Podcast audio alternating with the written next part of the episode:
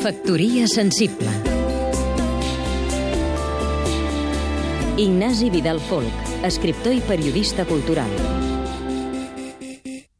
Hi ha una doble exposició de Tàpies al MENAC i a la Fundació Tàpies, on des de fa anys s'exposa sense interrupció la seva obra. És una bona idea, la d'aquestes dues institucions, perquè l'exposició sortirà barata i en aquests temps d'estrators això és molt convenient. I, a més, probablement tindrà èxit. Jo ho desitjo. En els últims anys, en totes les fotos en què veiem reunit el govern autonòmic, en una sala del Palau de la Generalitat, veiem que unes vegades presideix Maragall, altres vegades Montilla, i ara, últimament, presideix Mas.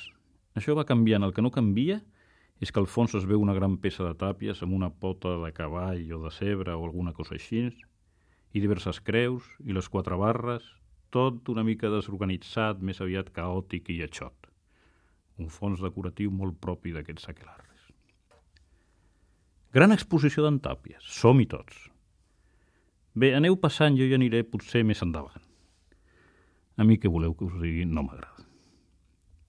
Em sembla gris, molt cremàtic, ple de sorres, tristor, necròfil, greu i pompós. I el pitjor de tot, avorrit.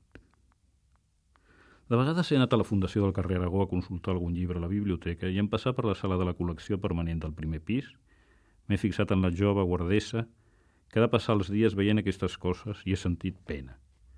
Una pena solidària per aquesta pobra noia que vigila.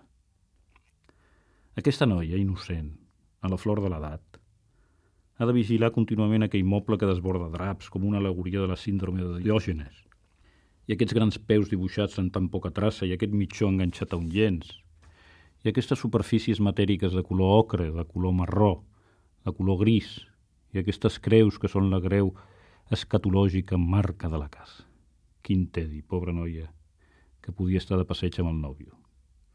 Quin funeral tristíssim, plujós i interminable. Factoria sensible Seguim-nos també a catradio.cat